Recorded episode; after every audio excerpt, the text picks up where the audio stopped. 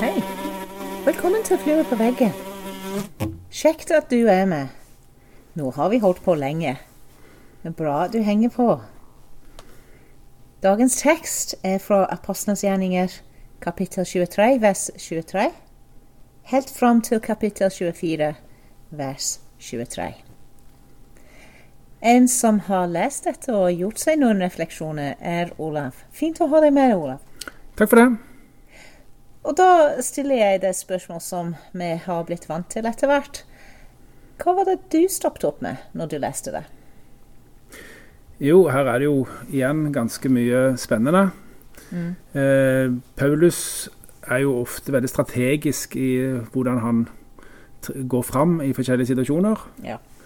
Eh, og her benytter han igjen eh, det at han er en romersk borger.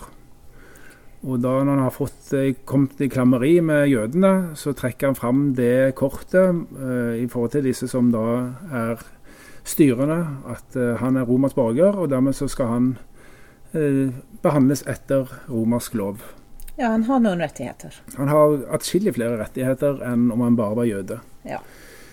Og vi ser her at det er et svært apparat som eh, eh, blir satt i sving, Mm. basert egentlig på tillit til en liten ung gutt. Ja. Så det er jo spennende i seg sjøl.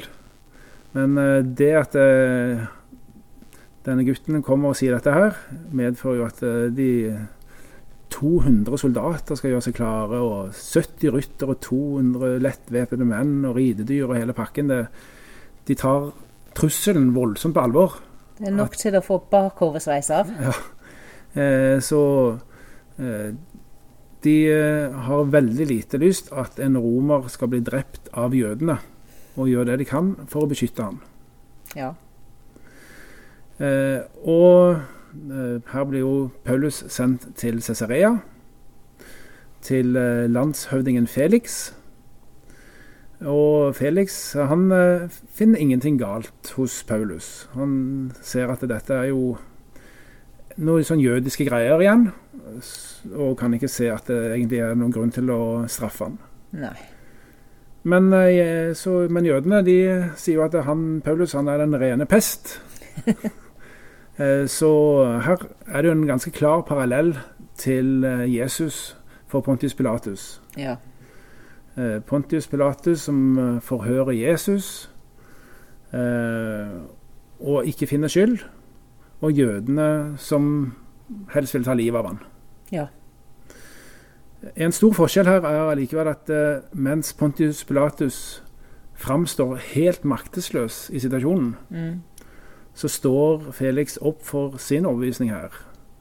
Men klart også pga. at eh, Paulus er romersk borger. Ja.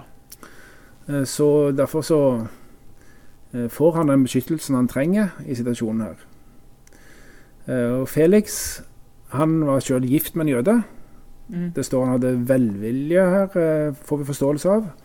Og satt Paulus skulle ha han i mild varetekt. Ja. Så her tar på en måte Felix styringen, i motsetning til Pilatus, som toer sine hender og ikke tør egentlig å gripe inn i det hele tatt. Mm. Ja. Uh, Er det Du snakker om Pilatus, og snart går vi inn i påsken, og, og vi skal i Flue på veggen se litt på noen påsketekster. Men i dag handler det om Paulus og Felix og de tingene. Eh, Men hvordan kan vi ta noe lærdom fra dette? Det, det virker som et, et historisk dokument eller fortelling som har ikke noe å si til oss i dag. Har du gjort deg noen tanker rundt dette? det som eh, ofte slår oss i Apostels gjerninger her, det er jo Paulus sin frimodighet. Mm. Og vi mennesker vi har mange flere valg enn vi ofte tenker. Mm. Ja. Eh, vi tenker at ja, jeg måtte jo bare sånn, jeg måtte bare sånn. Nei, du måtte kanskje ikke det. Du har alltid et valg, Mm. men noen valg er tøffere enn andre. Noen valg får andre konsekvenser enn du kanskje ønsker. Mm.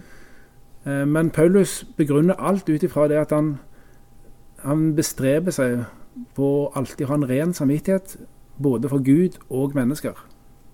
Det er krevende. Det er krevende. Men samtidig så er jo det et forbilde for oss i dag, tenker jeg. Mm. At ikke egennytten kommer i fokus, men at du skal tjene Gud og mennesker med ditt liv. Det er jo på en måte kjærlighets, nestekjærlighetsbudet i en sum. Ja, og i aksjon. Rett og slett i Mm. handling. Ja. Ja. Det var fint at du ville dele dine refle refleksjoner med oss. Hyggelig. Takk for nå. I like måte.